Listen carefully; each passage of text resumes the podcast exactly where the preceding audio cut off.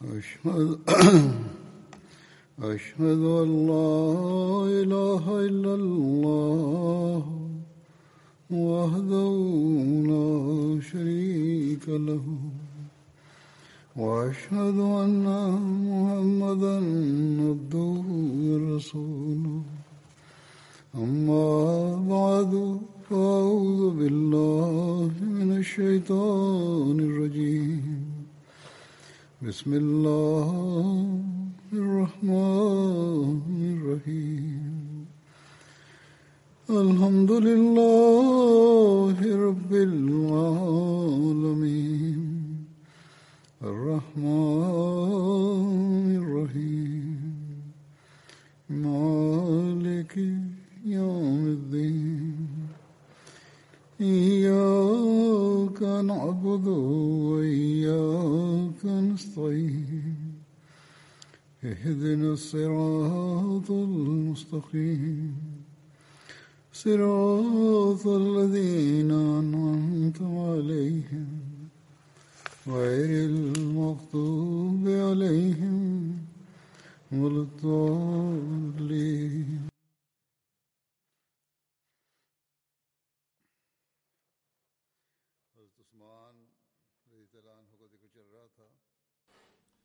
Masih melanjutkan berkenaan dengan Hadrat Utsman radhiyallahu anhu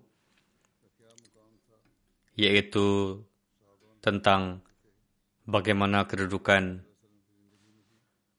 Hadrat Utsman dan bagaimana para sahabat memandang beliau baik di masa kehidupan Rasulullah SAW dan juga setelahnya. Terkait hal ini ada sebuah riwayat Nafi meriwayatkan dari Hadrat Ibnu Umar bahwa beliau berkata, di masa Rasulullah SAW, kami kerap menganggap satu sama lain sebagai lebih mulia dan beranggapan bahwa Hadrat Abu Bakar adalah yang terbaik, lalu Hadrat Umar bin Khattab, lalu Hadrat Utsman bin Affan, radhiyallahu anhum. Riwayat Bukhari.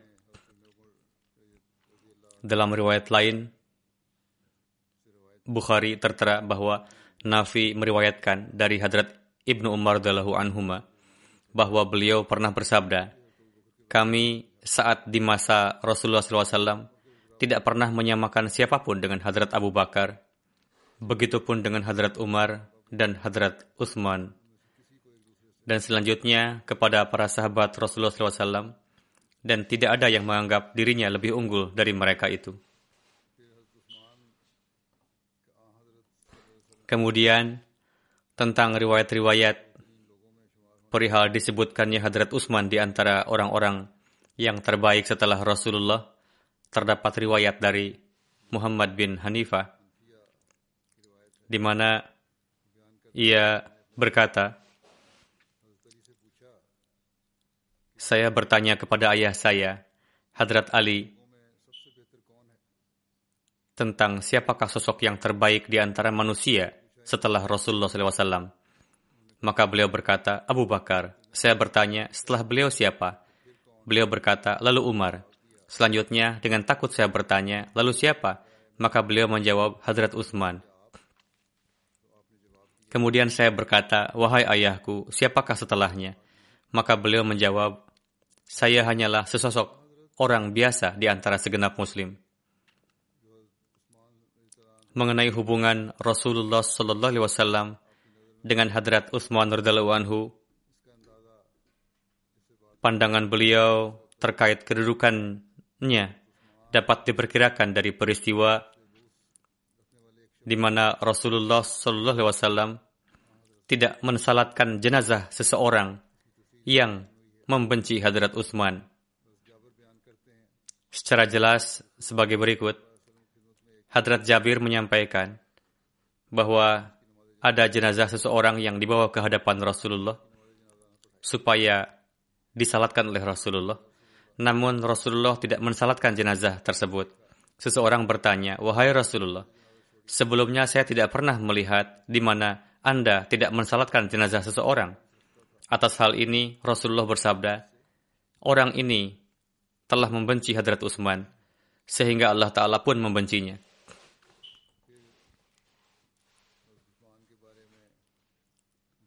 Kemudian terkait sifat adil yang dimiliki Hadrat Utsman terdapat riwayat di mana beliau tetap memberikan hukuman kepada saudara laki-laki beliau yang juga telah terbukti bersalah. Ubaidullah bin Adi menjelaskan, Hadrat Miswar bin Makhramah dan Hadrat Abdurrahman bin Aswad bin Adi Yakub, keduanya berkata kepadaku, apa yang menjadi halanganmu untuk berbicara kepada Hadrat Utsman tentang saudara laki-lakinya? Walid, karena orang-orang telah sangat banyak menyebut-nyebut hal tersebut akibat perkara yang salah. Maka saya pun pergi ke, ke, ke hadapan Hazrat Utsman. Beliau baru berangkat untuk mengerjakan salat. Saya lalu bertanya, ada satu hal penting yang ingin saya katakan kepada Tuhan, dan ini semata-mata untuk kebaikan Anda. Hazrat Utsman bersabda, betapa hebatnya, apakah Muammar yang telah mengatakan kepada Anda semua? Saya berpikir, merekalah yang telah mengatakannya. Dan Anda datang seraya membawa pesan mereka. Kemudian beliau bersabda, Aku memohon perlindungan kepada Allah dari Anda sekalian. Setelah mendengar ini, beliau pun beranjak dari sana dan pergi kepada orang-orang itu, yaitu orang yang telah bertemu dengan Hadrat Utsman. Saat itu pun Hadrat utusan dari Hadrat Utsman datang dan saya mendekatinya. Ia atau utusan itu bertanya, apa yang dimaksud kebaikan menurut engkau? Ia berkata, aku menginginkan kebaikan untuk Anda. Maka saya berkata, Allah Ta'ala telah membangkitkan Muhammad Sallallahu Alaihi Wasallam dengan kebenaran dan kitab suci telah diturunkan atas beliau. Dan Anda pun adalah di antara orang yang telah menerima seruan Allah dan Rasulnya Sallallahu Alaihi Wasallam. Lalu Anda pun telah melakukan dua hijrah dan Anda telah menemani Rasulullah SAW dan Anda telah melihat cahaya Rasulullah. Lalu saya berkata, Walid, yang adalah saudara laki-laki Hadrat Utsman, orang-orang telah banyak mengatakan mengenainya. Hadrat Utsman berkata, apakah engkau telah mengalami zaman Rasulullah? Beliau bertanya kepada saya. Saya mengatakan, tidak. Namun saya mengetahuinya dari hal-hal yang engkau sampaikan. Saya tidak mengalami masa itu. Namun hal itu sampai pada saya, yaitu yang ada di zaman Rasulullah SAW. Di mana terkait itu, seorang wanita perawan pun sampai mengetahui hal itu. Maka Hadrat Utsman bersabda, sesungguhnya Allah telah mengirimkan Muhammad sallallahu alaihi wasallam dengan kebenaran. Dan aku termasuk di antara orang-orang yang telah menerima seruan Allah dan Rasulnya. Dan aku mengimani semua hal yang bersamanya. Beliau sallallahu alaihi wasallam telah diutus. Dan aku telah dua kali berhijrah, sebagaimana telah Anda katakan, dan aku senantiasa ada bersama Rasulullah dan telah bayat kepada beliau. Dan demi Allah, aku tidaklah mendurhakai beliau. Dan tidaklah aku pernah menipu beliau, hingga waktu di mana Allah pun mewafatkan beliau. Lalu Hadrat Abu Bakar pun menjadi wujud yang kutaati, dan demikian pula aku mentaati Hadrat Umar. Aku mentaati keduanya. Kemudian aku dipilih menjadi khalifah. Maka apakah bukan merupakan hakku sebagaimana yang dulu ada pada mereka yang pada kedua khalifah? yaitu pada kedua khalifah? Saya berkata, ya, mengapa tidak? Maka beliau berkata, lalu apa alasan? Bagaimana bahwa tentang hal yang terus Anda katakan kepadaku itu, yaitu tentang masalah walid, sebagaimana telah Anda katakan, maka kita insya Allah Ta'ala akan menghukumnya dengan hukuman yang sesuai, yakni hukuman sesuai kejahatannya, di mana orang mengatakannya, apakah ia akan menghukumnya juga? Lalu setelah itu beliau memanggil Hadrat Ali dan bersabda kepadanya, cambuklah ia. Maka Hadrat Ali pun mencambuknya sebanyak 80 kali. Hadrat Sayyid Zainal Abidin dalam menafsirkan hadis ini menjelaskan, ini adalah riwayat Bukhari dan mengenai hukum hukuman keras yang dijatuhkan kepada Walid bin Uqbah. Ini adalah terkait dakwaan minum minuman keras. Dari kesaksian telah terbukti bahwa itu adalah minuman keras seperti masa jahiliyah. Bukanlah manka dan minuman dari kurma. Hadrat Utsman tidak menghiraukan hubungan keluarga. Bahkan beliau menggandakan hukuman akibat adanya hubungan keluarga. Bukannya 40, tetapi bahkan 80 cambukan. Dan jumlah ini pun telah terbukti seperti yang dilakukan oleh Hadrat Umar juga. Kemudian dalam satu riwayat disebutkan, Atta bin Yazid mengatakan bahwa Hamran, hamba sahaya yang telah dimerdekakan Hadrat Utsman, berkata, dirinya melihat Hadrat Utsman bin Affan ketika beliau meminta satu tem tempayan dan beliau hingga tiga kali mencuci kedua tangan beliau dengannya. Lalu beliau memasukkan tangan kanan beliau ke dalamnya, lalu berkumur-kumur, lalu membersihkan hidung, lalu membasuh wajah, lalu tiga kali membasuh kedua tangan sampai sikut. Lalu beliau membasuh rambut beliau, lalu membasuh kedua kaki beliau tiga kali hingga mata kaki. Lalu bersabda, Rasulullah SAW bersabda, Siapa yang berwudu seperti caraku ini berwudu, lalu melakukan salat dua rakaat seperti ini, di mana di dalamnya ia tidak mencampurkan dengan nafsunya, maka apa saja dosa yang sebelumnya ia lakukan, semua itu akan diberikan ampunan.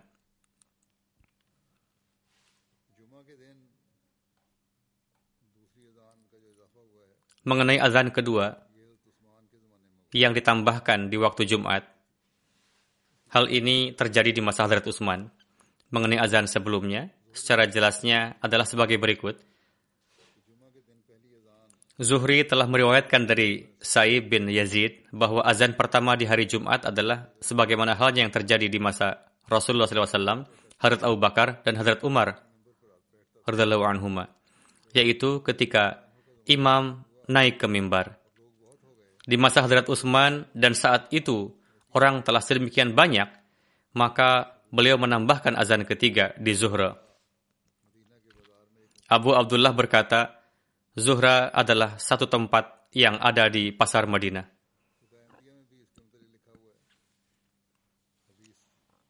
Tentang hal ini pun tertera di buku Fikah Ahmadiyah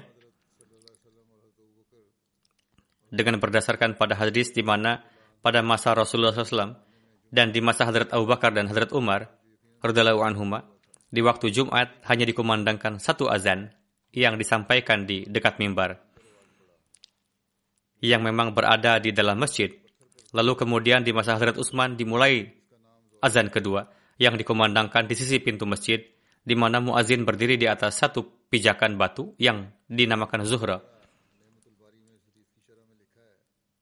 Pada kitab Syarah Sahih Bukhari, yakni Nikmatul Bari, tertera penjelasan hadis ini bahwa Ibnu Syihab Zuhri meriwayatkan dari Saib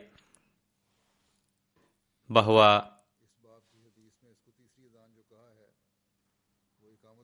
mengenai azan ketiga yang terdapat dalam bab ini, yang dimaksud itu adalah ikomat. Jadi sebelumnya ada dua azan, lalu dijadikan tiga azan.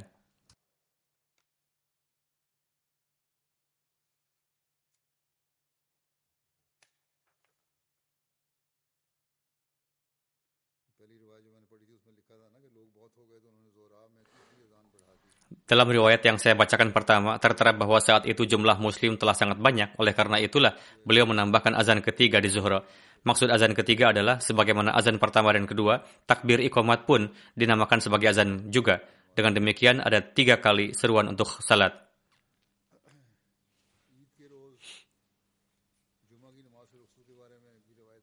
Terkait tidak adanya salat Jumat pada hari Id pun terdapat riwayat, yaitu dari Abu Abid, hamba sahaya Ibnu Izhar yang telah dimerdekakan, ia menjelaskan bahwa ia saat berada di belakang Hadrat Umar di kesempatan salat Id pada hari Idul Adha, sebelum beliau menyampaikan khutbah, beliau mengimami salat, lalu menyampaikan khutbah di hadapan orang-orang seraya berseru, Wahai manusia, sesungguhnya Rasulullah telah melarang engkau sekalian untuk berpuasa di kedua hari Id. Itu adalah hari Id karena telah berbuka dari berpuasa dan kedua adalah hari di mana engkau memakan hasil kurbanmu. Abu Abid berkata, kemudian ia bermakmum di belakang Hadrat Utsman bin Affan sekali dalam kesempatan Id di mana itu pun adalah hari Jumat. Sebelum khutbah beliau memimpin salat, lalu beliau menyampaikan khutbah di hadapan orang-orang seraya bersabda, "Wahai manusia, ada hari di mana dua Id pun berkumpul. Bagi mereka yang tinggal di sekitar Madinah yang ingin menunggu salat Jumat, ia dapat menjalankannya. Dan bagi mereka yang ingin pulang, saya mengizinkan mereka untuk pulang.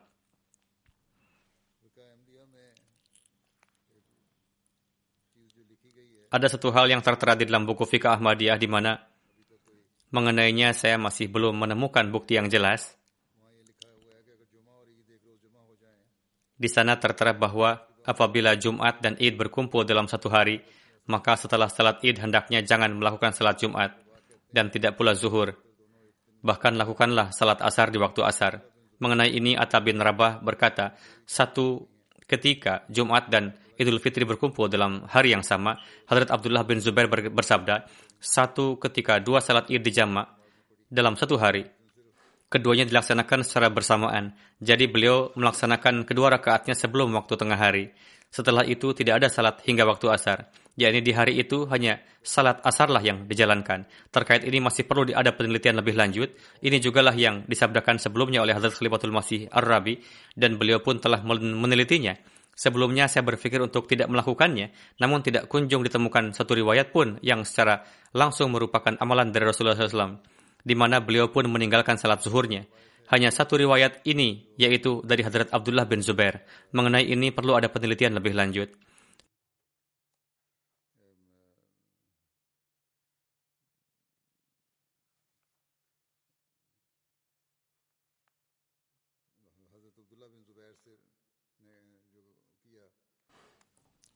Mengenai fikih tersebut, menurut saya akan ada revisi ulang dan hal ini perlu dilakukan penelitian lebih jauh, yaitu mengenai kebenaran apakah salat zuhur pun tidak dilaksanakan. Tidak mengapa jika salat Jumat tidak dilaksanakan, namun pernyataan bahwa salat zuhur pun agar tidak dilaksanakan, hingga kini tidak ada riwayat langsung dari Rasulullah atau dari para khalifah Rashidin yang ditemukan kecuali dari riwayat itu saja yaitu hingga penelitian yang sekarang saya jalankan.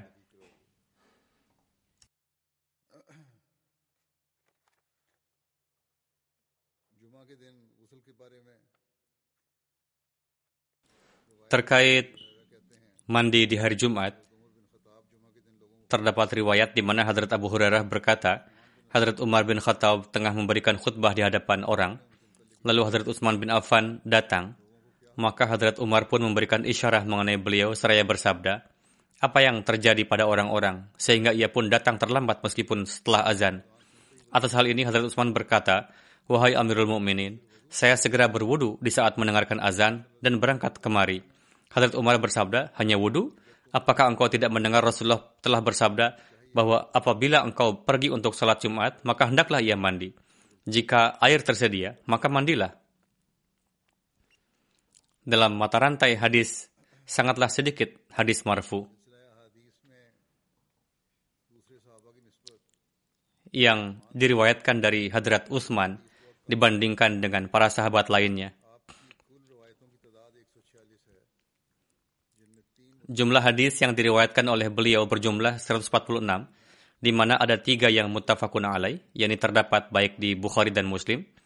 Ada delapan yang hanya di Bukhari, dan ada enam yang hanya di Muslim. Jadi ada 16 hadis beliau yang terdapat dalam Sahihain. Sebab kurangnya riwayat yang bersumber dari beliau adalah bahwa hadis-hadis yang diriwayatkan oleh Hadrat Utsman adalah muhtad, yakni sangat diperhatikan perihal kehati-hatiannya. Beliau bersabda bahwa dalam meriwayatkan sabda Rasulullah SAW, saya membatasi diri saya karena mungkin daya hafalan saya tidaklah lebih baik dari sahabat yang lain.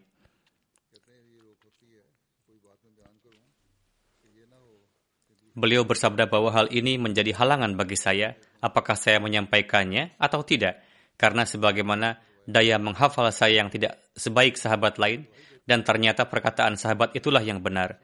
Maka karena itulah saya sangat berhati-hati dalam meriwayatkan sesuatu. Namun demikian saya bersaksi bahwa saya telah mendengar Rasulullah pernah bersabda, siapa saja yang ingin menisbahkan perkataan yang tidak saya katakan, maka biarkanlah ia membuat tempat kembalinya di api neraka. Oleh karena itu, beliau Hadrat Utsman sangat berhati-hati dalam periwayatan hadis. Abdurrahman bin Hatib menyampaikan bahwa dirinya tidak melihat ada satu sahabat pun yang menyampaikan perkataan secara menyeluruh, namun beliau justru merasa takut dalam meriwayatkan hadis. Imran bin Abban berkata, satu ketika Hazrat Utsman bin Affan meminta air untuk berwudu. Beliau berkumur, lalu membersihkan hidung dengan air, lalu tiga kali membasuh muka, lalu tiga kali membasuh tangan, masing-masing sampai sikut, lalu membasuh atas kepala dan leher, lalu beliau pun tersenyum.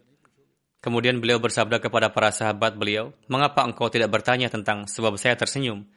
Mereka berkata, Wahai Amirul Mukminin, mengapa engkau tersenyum? Beliau bersabda, saya telah melihat Rasulullah pernah meminta air di dekat tempat ini, lalu beliau pun berwudu seperti halnya. Demikian saya telah berwudu, lalu beliau pun tersenyum, seraya bersabda kepada sahabat, apakah engkau tidak bertanya, mengapa saya tersenyum?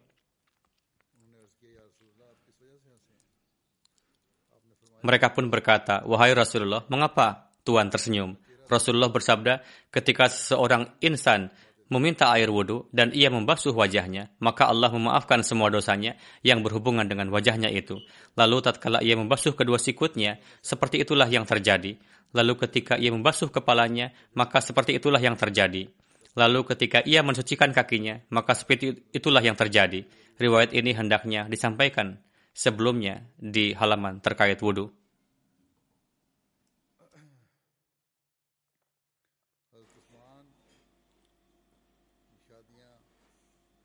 Berkenaan dengan pernikahan dan putra-putri beliau, terdapat riwayat yang menyatakan bahwa beliau memiliki delapan istri.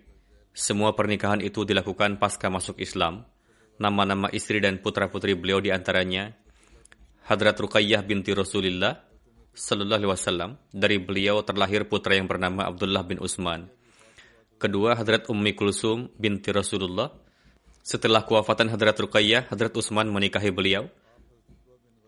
Selanjutnya Hadrat Fakhita binti Ghazwan, saudari kandung Hadrat Utbah bin Ghazwan. Dari beliau terlahir putra yang bernama Abdullah yang disebut dengan Abdullah Asghar.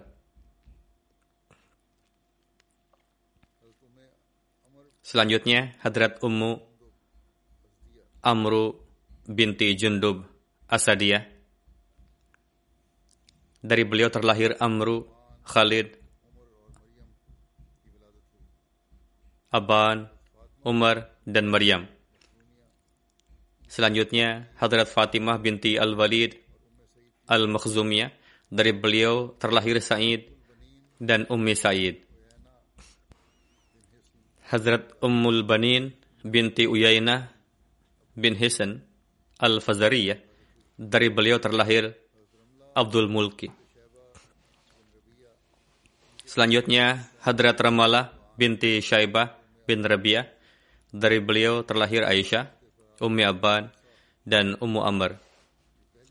Hadrat Nailah binti Al-Farafasah binti Ahfaz. Beliau sebelumnya adalah seorang Nasrani, namun sebelum Rukstanah beliau bayat masuk Islam dan terbukti menjadi seorang muslimah yang baik.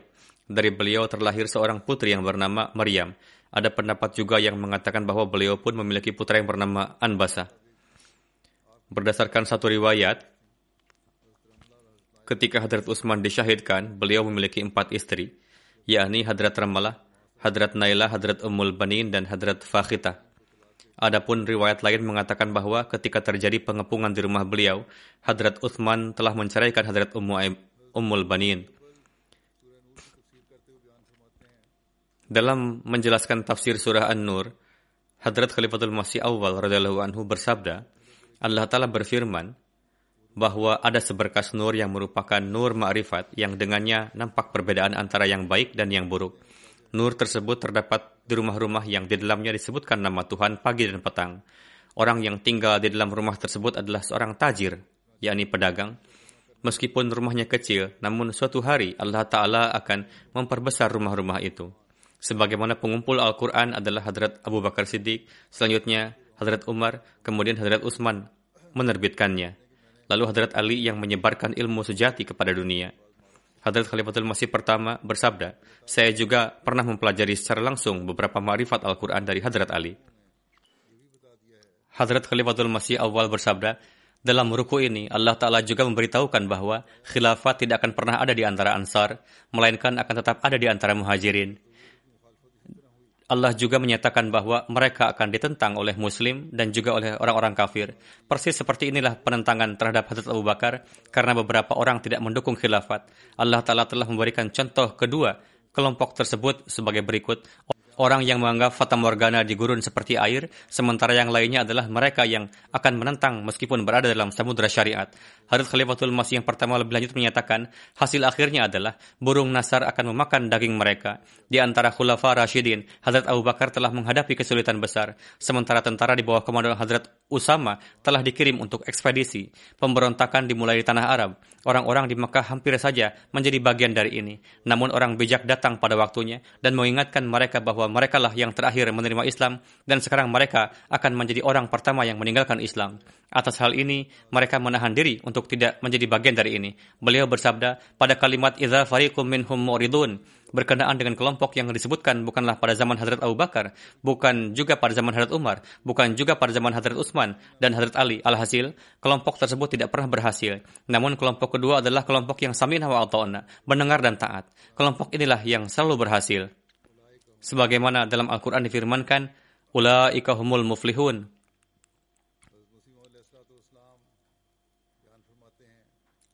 Hadrat Masih Maud Islam bersabda, dan aku mengetahui bahwa seseorang tidak akan bisa menjadi mukmin dan muslim selama tidak tercipta corak menyerupai Abu Bakar, Umar, Utsman dan Ali ridwanullah alaihim. Mereka tidak mencintai dunia, bahkan mereka telah mewakafkan hidup mereka di jalan Allah Ta'ala. Bersabda, penting untuk memiliki keyakinan bahwa Hadrat Siddiq Akbar radhiyallahu anhu, Hadrat Faruk Umar radhiyallahu anhu, Hadrat Zun Nurain radhiyallahu anhu, yakni Hadrat Utsman, dan Hadrat Ali Murtadha radhiyallahu anhu, kesemuanya sungguh merupakan wujud terpercaya dalam agama Islam.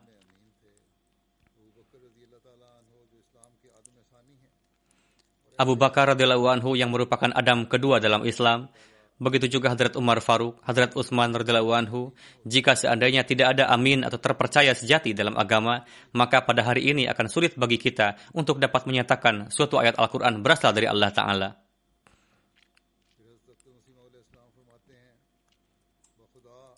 Hadrat Masih Maud salam bersabda, Demi Tuhan, Allah Ta'ala telah menjadikan Syekhain, yakni Abu Bakar, Umar, dan yang ketiga Zun Nurain, yakni Hadrat Utsman, sebagai pintu gerbang bagi Islam dan pasukan utama Sang Khairul Anam, yakni sebaik-baik makhluk, Muhammad Rasulullah Sallallahu Alaihi Wasallam.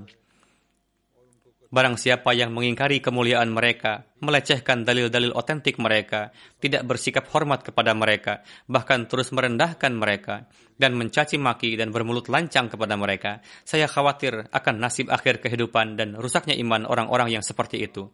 Adapun konsekuensi bagi orang-orang yang menyakiti, melaknat, dan melontarkan tuduhan kepada mereka adalah hati mereka akan keras dan murka Tuhan yang Maha Rahman akan menimpa mereka.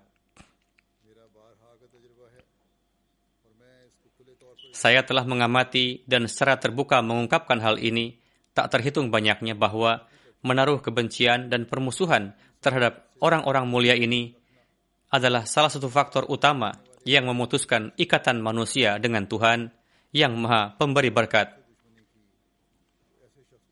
Siapa pun yang menaruh permusuhan terhadap mereka, maka jalan untuk meraih rahmat dan belas kasihan atas orang itu akan ditutup pintu ilmu dan ma'rifat tidak akan dibuka lagi baginya.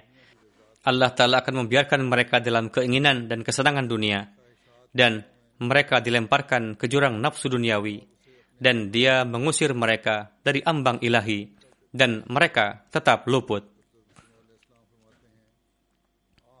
Hadrat Masih Maud salam kemudian bersabda, Apa pun kemajuan Islam yang dicapai setelah Nabi Shallallahu Alaihi Wasallam adalah melalui tiga sahabat ini, yaitu Hadrat Abu Bakar, Umar, dan Utsman.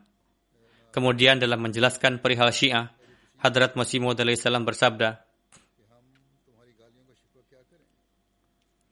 Apa yang bisa dikatakan tentang caci makian yang kalian lontarkan? Anda telah lancang kepada segenap sahabat, kecuali segelintir di antaranya. Selain itu, kalian mengutuk istri Nabi Shallallahu Alaihi Wasallam ibu dari orang-orang beriman. Anda juga mengklaim bahwa Al-Quran telah dikurangi dan ditambahkan dan menyatakan bahwa Al-Quran saat ini adalah Al-Quran Utsman dan bukan dari Allah Ta'ala. Kalian menganggap Islam seperti tanah terlantar yang benar-benar kering dan tandus. Artinya benar-benar kosong dari hamba-hamba Tuhan yang benar.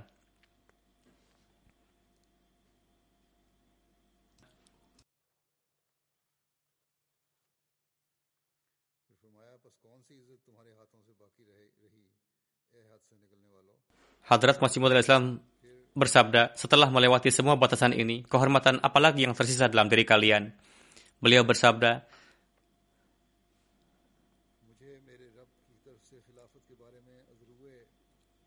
Aku telah diberikan pengetahuan yang mendalam oleh Tuhanku tentang khilafat, dan seperti para peneliti lainnya, aku juga bisa menyelidiki masalah ini secara mendalam, dan Tuhanku telah mengungkapkan kepadaku bahwa Siddiq, yakni Hadrat Abu Bakar, Faruk, Hadrat Umar, dan Utsman radhiyallahu anhum adalah orang-orang beriman yang saleh, yang termasuk di antara orang-orang pilihan Allah Ta'ala dan disukai dengan karunia khusus dari Tuhan yang Maha Pemurah. Lebih jauh, banyak dari antara orang bijak yang menjadi saksi akan kebajikan mereka mereka terpaksa meninggalkan tanah air mereka demi untuk menarik ridhan Allah Ta'ala.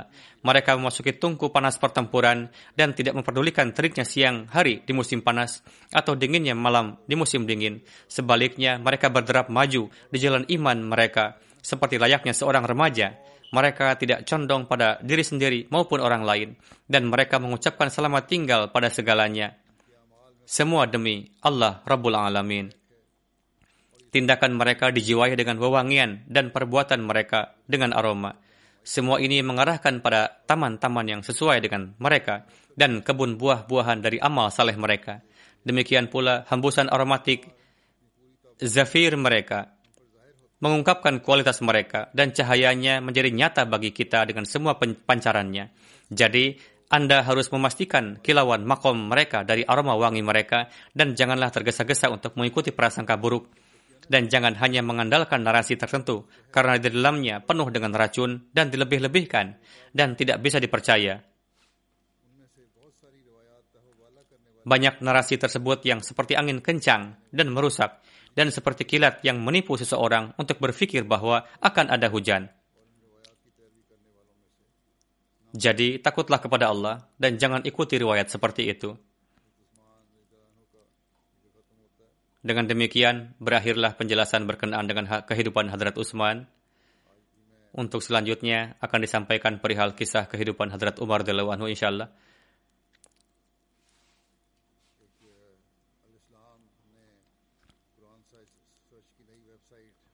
Tim Al-Islam telah menyiapkan versi pertama dari situs pencarian Al-Quran baru, holyquran.io Situs web ini dapat diakses secara terpisah dari situs Al-Islam. Kita dapat melakukan pencarian untuk setiap bab, ayat, kata, atau pokok bahasan dalam bahasa Arab, Inggris, dan Urdu melalui mesin pencari terbaru. Hasil pencarian dapat dilihat melalui terjemahan jemaat dan gair. Di bawah setiap ayat, kita dapat membaca tafsir, topik, dan berbagai ayat lainnya yang berhubungan dengannya. Pekerjaan lebih lanjut dalam memproduksi konten sedang berlangsung dan versi berikutnya akan disiapkan pada Jalsa Salnah UK 2021, insya Allah. Selain itu, versi modern dari readquran.app di situs Al-Islam juga telah disiapkan di mana kita dapat membaca, mendengarkan, dan melakukan pencarian Al-Quran. Bersamaan dengan tafsir bahasa Inggris, ada juga catatan tafsir sagir terjemahan literal dari Al-Quran dalam bahasa Inggris, dan indeks dari semua topik. Ini juga termasuk berbagai fitur lain yang akan bermanfaat untuk tilawat Al-Quran sehari-hari. Semoga proyek ini dapat menjadi sarana untuk menyebarkan ajaran Al-Quran yang indah ke seluruh dunia, dan semoga anggota jemaat juga memperoleh manfaat sebanyak-banyaknya dari ini. Saya juga ingin menghimbau anda untuk mendoakan para Ahmadi di Pakistan. Semoga Allah telah memperbaiki keadaan mereka dan memberikan kemudahan bagi mereka. Demikian pula, semoga Allah telah memberikan ketabahan kepada para Ahmadi di Aljazair dan memperbaiki kondisi yang saat ini mereka alami. Sekarang saya akan sampaikan zikri khair beberapa jenazah dan akan menyalatkannya nanti. Banyak sekali permohonan yang diterima, namun sulit untuk menyampaikan semuanya dalam khutbah. Saya akan sampaikan sebagiannya, selebihnya telah termasuk namun tidak disebutkan namanya.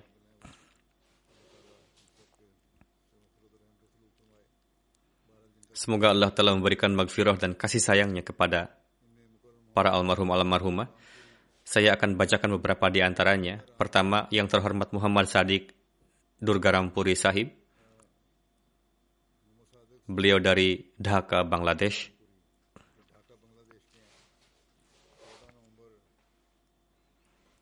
Pada 14 November 2020 wafat pada usia 75 tahun. Inna lillahi wa inna ilahi raji'un. Selain beberapa posisi lain dalam jemaat, beliau mendapatkan taufik untuk berkhidmat untuk waktu yang lama sebagai sekretaris nasional Wakfenau. Beliau melakukan kunjungan secara rutin untuk melakukan pertemuan dengan para Wakfenau dan juga orang tua mereka dengan pergi ke jemaat-jemaat yang jauh-jauh. Beliau juga rajin pergi ke masjid meskipun dalam keadaan sakit. Beliau adalah seorang musi meninggalkan istri, tiga putra, dan satu putri. Jenazah berikutnya, seorang almarhumah bernama Mukhtaran Bibi Sahibah, istri dari Rashid Ahmad Atwal Sahib Darul Yaman Rabwah. Beliau adalah mertua dari Naim Bajwa Sahib Prinsipal Jamiah Mubashirin Burkina Faso. Beliau wafat pada 16 Januari. Innalillahi wa inna ilaihi raji'un. Beliau telah mendapatkan taufik berkhidmat di Majelis Amilah Lajnah Imailah Darul Yaman Gharbi untuk selama 17 tahun. Beliau mendapatkan taufik untuk memberikan pengorbanan harta di berbagai negeri. Allah Ta'ala telah memberikan taufik kepada beliau untuk berkorban harta senilai ratusan ribu rupiah. Beberapa jam sebelum wafat pun, ketika mata beliau terbuka, berkata, di mana gelang-gelang emas saya? Beliau mengatakan kepada putra beliau, tolong kamu jual gelang-gelang ini dan uangnya serahkan kepada Pak Ketua yang nilainya sekitar 350 ribu rupiah. Almarhumah berpesan untuk membelikan antena parabola untuk keperluan MTA. Pada tahun 1995, dua putra beliau wafat karena kecelakaan. Almarhumah tabah dalam menghadapi insiden tersebut, tidak pernah menyebut-nyebut dan mengeluhkan kejadian itu, dan ridho atas keridaan Allah Ta'ala.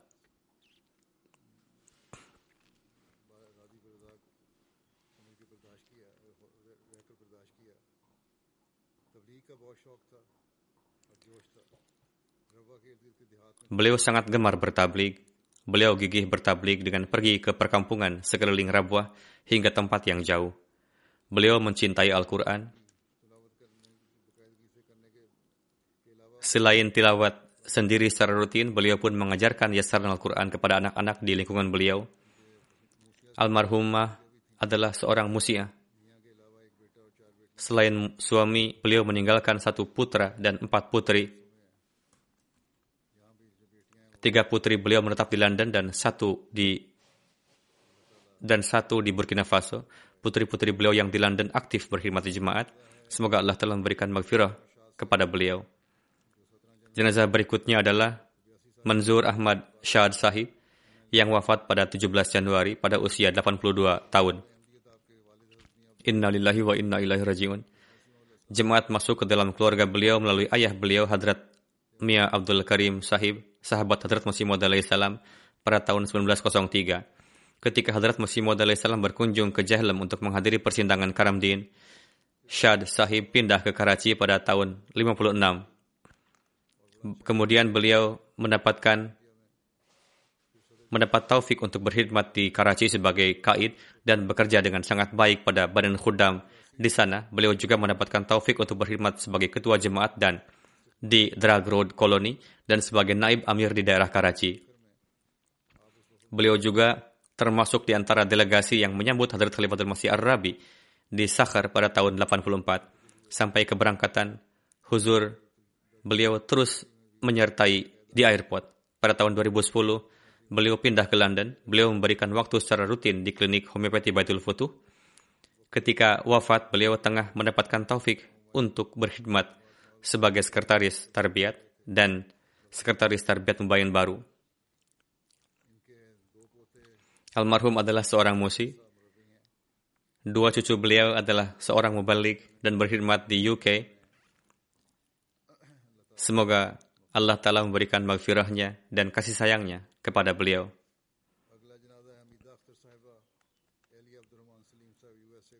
Jenazah berikutnya Hamidah Akhtar Sahibah, istri dari Abdurrahman Salim Sahib of USA, wafat pada tanggal 19 Januari pada usia 92 tahun. Innalillahi wa inna ilaihi rajiun. Allah Ta'ala memberikan taufik kepada beliau untuk berkhidmat di Lajnah Imailah Karachi dan Rawalpindi untuk masa yang panjang, yakni 50 tahun. Beliau juga pernah berkhidmat sebagai sekretaris umum dan ketua LI dan pengawas kiadat. Beliau sangat mencintai khilafat. Beliau juga menasihatkan anak-anak untuk menjalin hubungan dengan khilafat dengan penuh ketulusan. Sepanjang umur beliau dawa mendirikan salat fardu dan tahajud. Beliau mengatur secara khusus untuk menilawatkan Al-Quran dan mengajarkannya.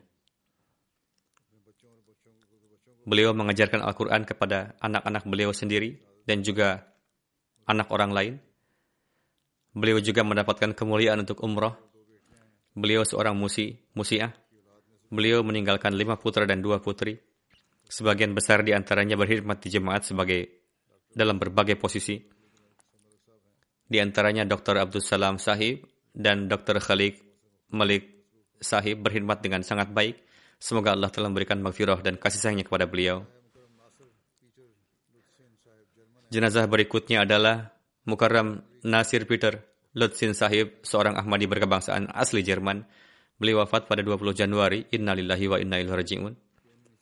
Putri beliau menuturkan, pada suatu hari tahun 1983, orang tua saya melewati pasar utama kota Hanover. Tiba-tiba pandangan beliau tertuju ke sebuah stol yang di dalamnya hanya terdapat meja yang di atasnya terpajang beberapa buku perkenalan. Di balik meja tengah berdiri dua pemuda yang berasal dari luar negeri. Beliau berkenalan dengan para pemuda itu, Ternyata itu adalah stol tablik jemaat Ahmadiyah. Sebagai perwakilan Islam, almarhum melontarkan beberapa pertanyaan kepada para pemuda itu dan membawa pulang beberapa literatur jemaat. Setelah membaca literatur tersebut, almarhum mengadakan pertemuan lagi dengan pihak jemaat. Para Ahmadi itu mengundang makan beliau pada bulan Ramadan. Putri beliau menuturkan, kedua orang tua saya pergi untuk menghadiri buka bersama di rumah mereka, para Ahmadi itu menggelar karpet di lantai dan meletakkan hidangan di atas kertas surat kabar karena tidak ada tempat duduk saat itu. Orang tua saya menyantap dan menyukai masakannya, namun lebih dari sekedar itu, orang tua saya sangat terkesan dengan kesederhanaan dan pengkhidmatan tamu yang dilakukan oleh para Ahmadi itu. Setelah menyantap hidangan, lalu kami berbincang-bincang. Setelah itu, kami saling mengunjungi satu sama lain. Setelah menelaah dan meneliti selama beberapa bulan, pada tahun 84, kedua orang tua saya bayat masuk ke dalam jemaat Muslim Ahmadiyah. Bayat terjadi pada hari Id. Almarhum pergi ke Hamburg bersama dengan kawan-kawan lokal dan mendapatkan kemuliaan untuk bayat di sana. Beliau juga mendapatkan kesempatan untuk berpidato pada kesempatan jalsa salana. Ibu saya memiliki ketertarikan yang khas terhadap agama. Kecintaan beliau untuk mencari agama yang benar telah mengalihkan perhatian beliau pada jemaat Ahmadiyah. Setelah itu timbul jalinan dengan Tuhan yang maha hidup. Beliau juga sering menyaksikan berbagai tanda pengabulan doa. Bagaimana Allah telah memperlihatkan tandanya kepada beliau. Putri beliau menuturkan, salah satu penglihatan ibu saya mengalami kerusakan. Namun setelah mengikuti jalsa salanah UK pada tahun 86, tiba-tiba pandangan kembali membaik. Sebelumnya mata beliau sama sekali tertutup Kemudian mata itu juga secara perlahan-lahan mulai dapat melihat. Beliau meyakini bahwa kejadian itu tidak kurang dari sebuah mukjizat. Mukjizat ini muncul setelah selama 11 tahun beliau luput dari pandangan sebelah mata. Beliau mengatakan bahwa ini semata-mata murni karena doa dan keberkatan doa-doa yang dipanjatkan pada saat jelasah salana. Ketika di London, Beliau juga sering tinggal di rumah seorang Ahmadi berkebangsaan Jerman. Suatu hari orang tua saya keluar dari rumah Ahmadi tadi untuk berjalan-jalan. Jarak yang ditempuh sudah cukup jauh, sehingga lupa jalan pulang ke rumah Ahmadi itu. Seiring dengan hari semakin gelap, kekhawatiran beliau pun semakin bertambah. Beliau berdiri di suatu jalan yang lalu lintasnya sangat sibuk dan benar-benar tidak tahu ada di mana beliau saat itu.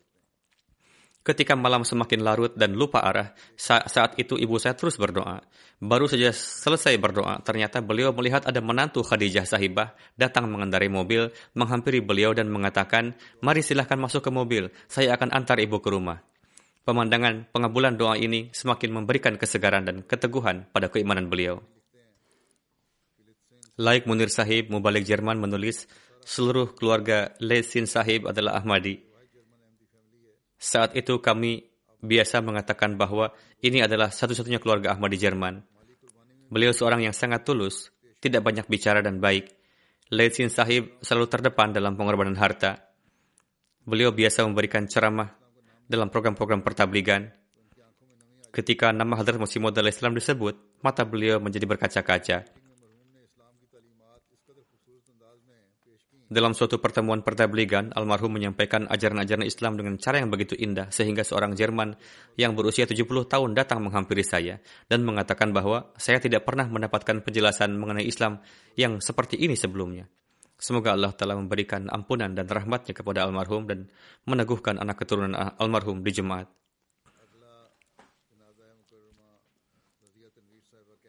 Jenazah selanjutnya yang terhormat Razia Tanwir Sahibah dari Kanada, istri dari Khalil Ahmad Tanwir Sahib, mubalik jemaat yang merupakan wakil prinsipal Jamiah Rabuah.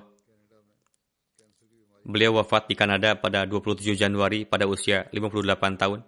Beliau mengidap penyakit kanker. Almarhum dari sejak kecil sangat tertarik dengan tugas-tugas keagamaan yang mana ini tetap teguh hingga akhir hayatnya.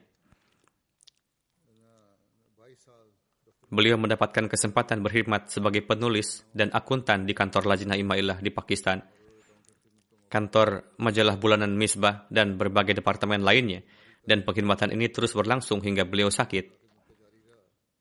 Almarhum mendapatkan taufik banyak bekerja sama dengan Hadrat Choti Apa Sahibah dan mempelajari banyak hal serta mendapatkan taufik dari doa-doa beliau. Semoga Allah Ta'ala memberikan ampunan dan rahmatnya kepada beliau.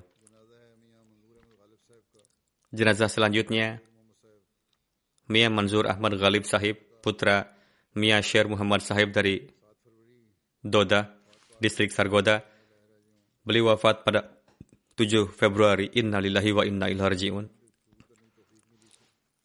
Kakak laki-laki beliau mendapatkan taufik menerima jemaat pada tahun 55. Kemudian beliau pindah ke Rabuah bersama kakak laki-laki beliau dan di sana beliau bayat. Putra beliau yang ada di Belgia menuturkan, beliau seorang yang sangat mencintai khilafat dan dalam ketaatan kepada khalifah, beliau tidak melakukan penafsiran, melainkan mengamalkan persis seperti yang disampaikan khalifah dan saya mengenal beliau secara pribadi. Dan sungguh beliau seorang yang mengkhidmati jemaat dengan penuh keikhlasan dan kesetiaan serta mentaati khilafat. Beliau se seorang yang mengutamakan agama di atas dunia seorang pengkhidmat agama, ramah terhadap tamu, sederhana, peduli dengan orang-orang miskin, penuh kasih sayang, dan memiliki kepribadian yang memikat hati. Dengan karunia Allah Ta'ala, beliau mendapatkan taufik berkhidmat sebagai sekretaris mal, sekretaris wakfi jadid, sekretaris tahrik jadid di Hudamul Ahmadiyah, daerah Ansarullah daerah, dan di jemaat pada level daerah di Sargoda, dan beliau melaksanakan pengkhidmatannya dengan sangat baik. Seorang cucu beliau, Safir Ahmad Sahib adalah mubalik jemaat yang saat ini berkhidmat di private secretary. Semoga Allah telah memberikan ampunan dan rahmatnya kepada almarhum. Jenazah selanjutnya yang terhormat, Bushra Hamid Anwar Adni Sahibah, istri dari Hamid Anwar Sahib dari Aden, Yaman, dan merupakan ibunda dari yang terhormat Muhammad Ahmad Anwar Sahib, seorang sukarelawan kita di MTA, serta mertua dari Munir Ahmad Odeh Sahib, Direktur Produksi MTA. Beliau wafat pada 14 Februari di usia 69 tahun. Inna lillahi wa inna ilaihi raji'un.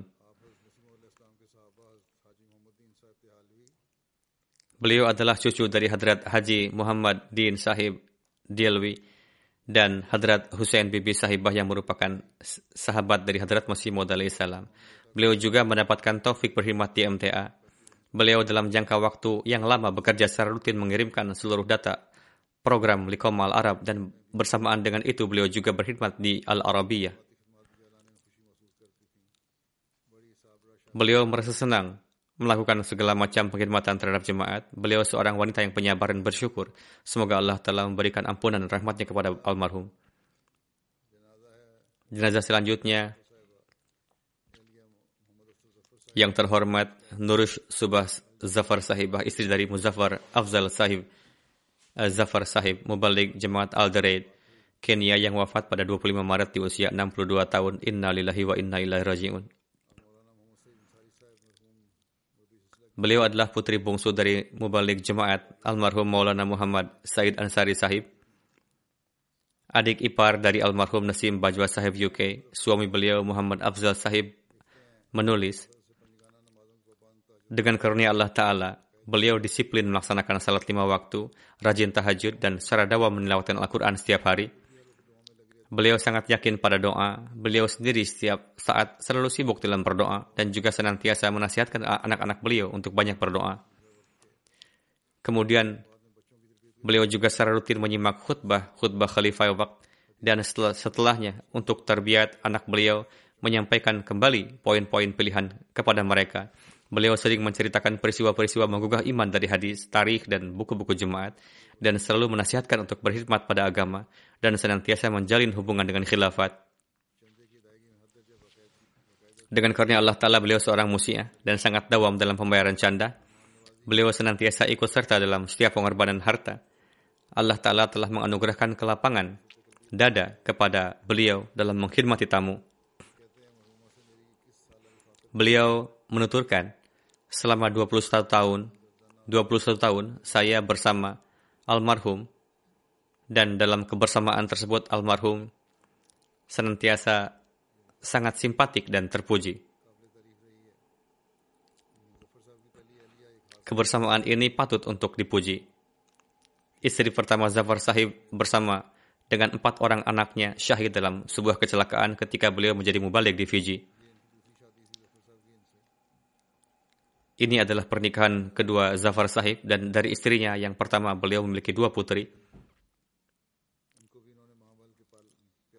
almarhumah memberikan kasih sayang layaknya seorang ibu kandung kepada mereka yang mana ini diungkapkan sendiri oleh putri-putrinya bahwa almarhumah tidak membiarkan kami merasa bahwa beliau bukan ibu kandung kami.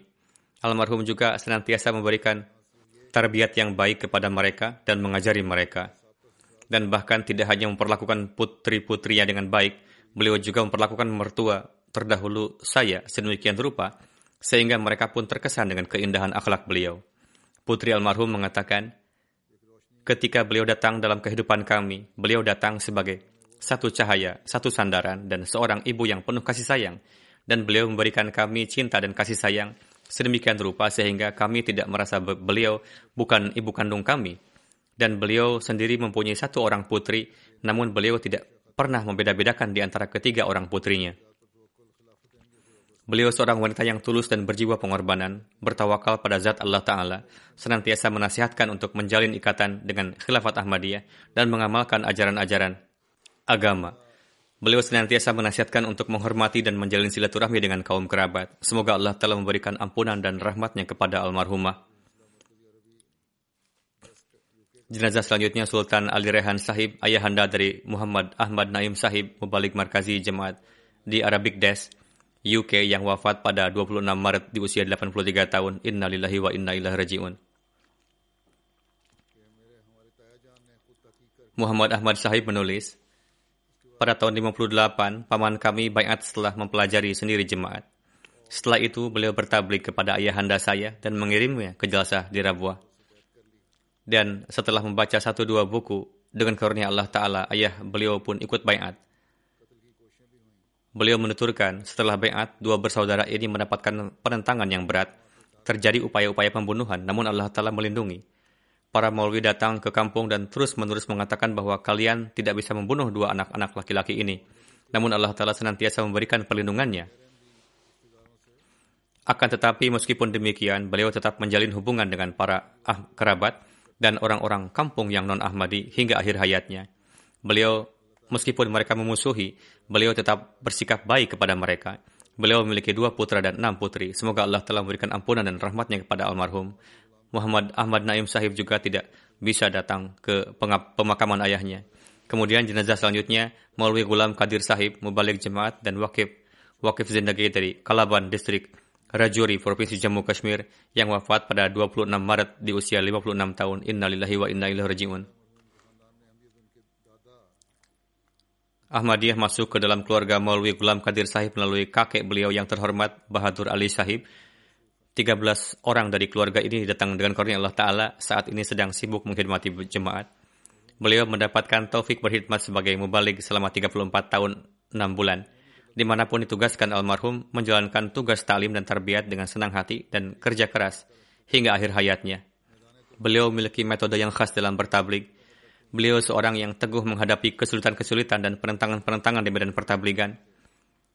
Seorang yang sangat sabar, bersyukur, kona'ah, dan mubalik yang pemberani di antara yang tinggalkan selain istri beliau juga ada tiga orang putra dan dua orang putri. Seorang putra beliau Bashiruddin Kadir Sahib sedang menempuh pendidikan di Jamiah Kadian tingkat akhir. Semoga Allah telah memberikan ampunan dan rahmatnya kepada almarhum.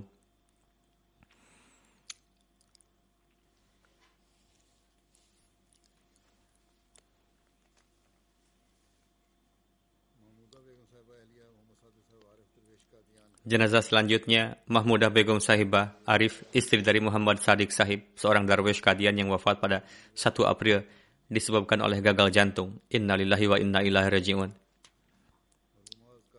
Almarhumah adalah cucu dari Hadrat Qazi Ashraf Ali Sahib radhiyallahu anhu, sahabat Hadrat Masih Maud salam dari Alipur Khera, distrik Minpur, provinsi Uttar Pradesh dan putri dari almarhum Qazi Shad Bakhsh.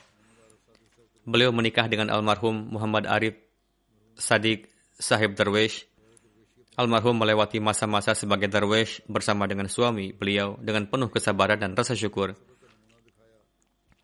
Bahkan ketika menderita kelaparan pun beliau selalu memperlihatkan contoh kesabaran dan tidak pernah menceritakan kesusahan di hadapan siapa pun. Beliau disiplin dalam salat. Bahkan ketika sakit menjelang kewafatan pun almarhum Almarhumah sangat gelisah untuk bisa melaksanakan salat. Almarhumah sangat memberikan perhatian pada tilawat Al-Quran, sangat dawam dalam canda-canda. Seorang yang memiliki ikatan yang kuat dengan khilafat dan selalu menasihatkan ini pada anak-anaknya. Almarhumah adalah seorang musiah. Almarhumah meninggalkan tiga putra dan dua putri. Semoga Allah telah memberikan ampunan dan rahmatnya kepada beliau. Jenazah selanjutnya Khalid Sa'adullah Al-Mishri Sahib dari Yordania yang wafat beberapa hari yang lalu di usia 60 tahun. Innalillahi wa inna ilaihi raji'un. Beliau adalah Ahmadi pertama di keluarganya. Beliau seorang yang sangat mukhlis, disiplin dalam sholat, dawam dalam canda, dan mentaati nizam jemaat. Seorang yang berakhlak mulia, pengkhidmat tamu, dan ramah. Seorang yang pendiam dan jarang bicara. Bagi beliau, sabda khalifah adalah keputusan final Beliau secara rutin menonton MTA, khususnya khutbah Jumat. Semoga Allah telah memberikan ampunan dan rahmatnya pada almarhum. Jenazah selanjutnya adalah yang terhormat Muhammad Munir Sahib dari Darul Fazil Rabuah yang wafat pada 1 April di usia 73 tahun. Inna lillahi wa inna ilaihi raji'un. Pada tahun 72 beliau bayat di tangan Hadrat Khalifatul Masih yang ketiga rahimahullah. Anggota keluarga beliau yang lainnya tidak ada yang Ahmadi disebabkan hal ini mereka berulang kali menyiksa beliau supaya beliau keluar dari Ahmadiyah. Bahkan pada tahun 2003, kepada beliau ditawarkan bahwa jika Anda mau meninggalkan Ahmadiyah, maka kami akan memberikan uang sedemikian banyak sehingga anak keturunan kamu pun tidak perlu bekerja mencari uang. Namun beliau tetap teguh dalam jemaat. Putri beliau, Komar Munir Sahiba, adalah seorang karyawan wakaf zindagi di Islamabad. Istri beliau dan seorang putra beliau, Tahir Wakas, juga wakaf zindagi. Semoga Allah telah memberikan ampunan dan rahmatnya kepada almarhum. Beliau adalah sosok yang sangat baik dan mukhlis. Murah senyum, tidak pernah marah terhadap suatu hal. Beliau dawa melaksanakan salat lima waktu dan biasa membayar canda tepat pada waktunya. Seorang kerabat beliau, Hafiz Saidur Rahman Sahib menuturkan, Ayahanda saya mengajarkan beliau bekerja karena pada para kerabat yang gair Ahmadi tidak memperlakukan beliau dengan baik, maka almarhum datang kepada ayahanda saya yang memiliki toko di dekat sana. Ayahanda saya mengajarkan beliau bekerja di tokonya dan almarhum mulai tinggal di rumah beliau. Beliau secara dawam pergi ke masjid untuk salat dan biasa duduk di saf pertama. Beliau juga sangat senang bertablik sehingga beliau bersama istri beliau sering pergi kampung-kampung di sekitar Rabuah untuk melakukan pertabligan. Semoga Allah telah memberikan ampunan dan rahmatnya kepada almarhum. Jenazah selanjutnya Master Nazir Ahmad Sahib dari Darul Barkat Rabuah yang wafat pada 4 April di usia 80 tahun. Innalillahi wa inna ilaihi raji'un. Ahmadiyah masuk ke dalam keluarga beliau melalui ayahanda beliau, almarhum Mia Umar Din Sahib bin Mia Karam Din Sahib dari Data Z distrik Sialkot. Beliau mendapatkan hidayah di usia 15 tahun dan pada tahun 14 atau pada jelasah ke-15 beliau baik di tangan khalifah kedua radhiyallahu anhu. Beliau mendapatkan petunjuk melalui mimpi Kemudian ketika Master Nazir Sahib tinggal di, di Sargoda, para guru di sekolah memboikot beliau. Di sekolah tersebut, putra beliau yang berusia 9 tahun dilukai oleh seorang siswa dengan pisau.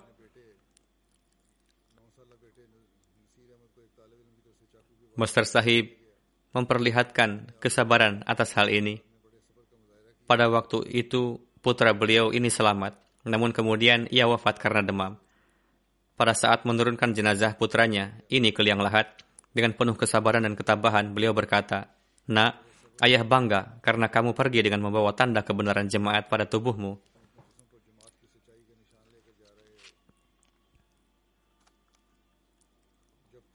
Ketika beliau tinggal di kampung tersebut sebagai guru, dapat menggantikan kekosongan mubalik atau mu'alim beliau sendiri melaksanakan tanggung jawab tersebut. Kemudian beliau ditugaskan di dekat Rabuah. Kemudian beliau pindah ke Rabuah dan beliau berkhidmat juga di sana. Beliau mengajarkan Al-Quran kepada banyak anak-anak. Kemudian setelah pensiun, beliau belajar membaca Al-Quran dengan tartil kepada Qari Ashik Sahib. Lalu beliau juga menyelenggarakan kelas membaca Al-Quran dengan tartil di kelompok dan beliau berupaya supaya tidak ada anak laki-laki atau perempuan yang tidak lulus metrik dan tidak bisa membaca Al-Quran. Jika ada yang seperti itu, maka beliau akan mengajarinya di rumah beliau. Almarhum sejak masih kecil sudah rajin tahajud dan ketika di ketika dikarenakan corona di Rabuah, dikenakan pembatasan pada beliau, yakni yang berusia di atas 60 tahun hendaknya jangan pergi ke masjid, maka beliau melaksanakan salat lima waktu dan salat Jumat di rumah dengan penuh perhatian. Berdasarkan satu mimpi beliau merasa yakin bahwa beliau akan wafat di tahun ini dan itulah yang terjadi.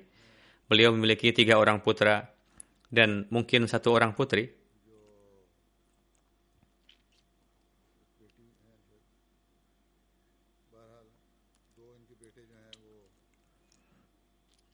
Alhasil, dua putra beliau bahkan tiga putra beliau adalah wakaf zindagi.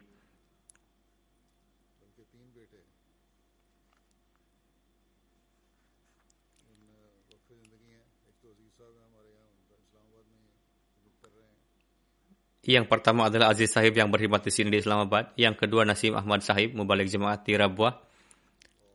Dan yang ketiga Said Adil Sahib yang merupakan mubalik di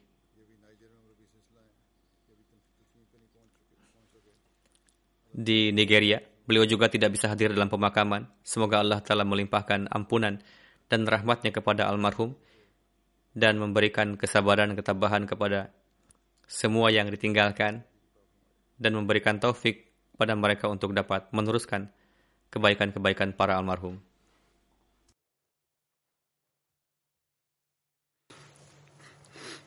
Alhamdulillah الحمد لله نحمده ونستعينه ونستغفره ونؤمن به ونتوكل عليه ونعوذ بالله من شرور أنفسنا ومن سيئات أعمالنا.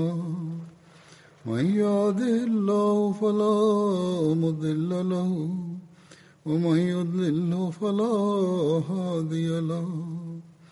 ونشهد أن لا إله إلا الله. ونشهد أن محمدا عبده ورسوله. عباد الله رحمكم الله. إن الله يأمر بالعدل واللسان وإيتاء ذي القربى وينهى عن الفحشاء والمنكر والبغي يعظكم لعلكم تذكرون. اذكروا الله يذكركم وادعوه يستجب لكم ولذكر الله أكبر.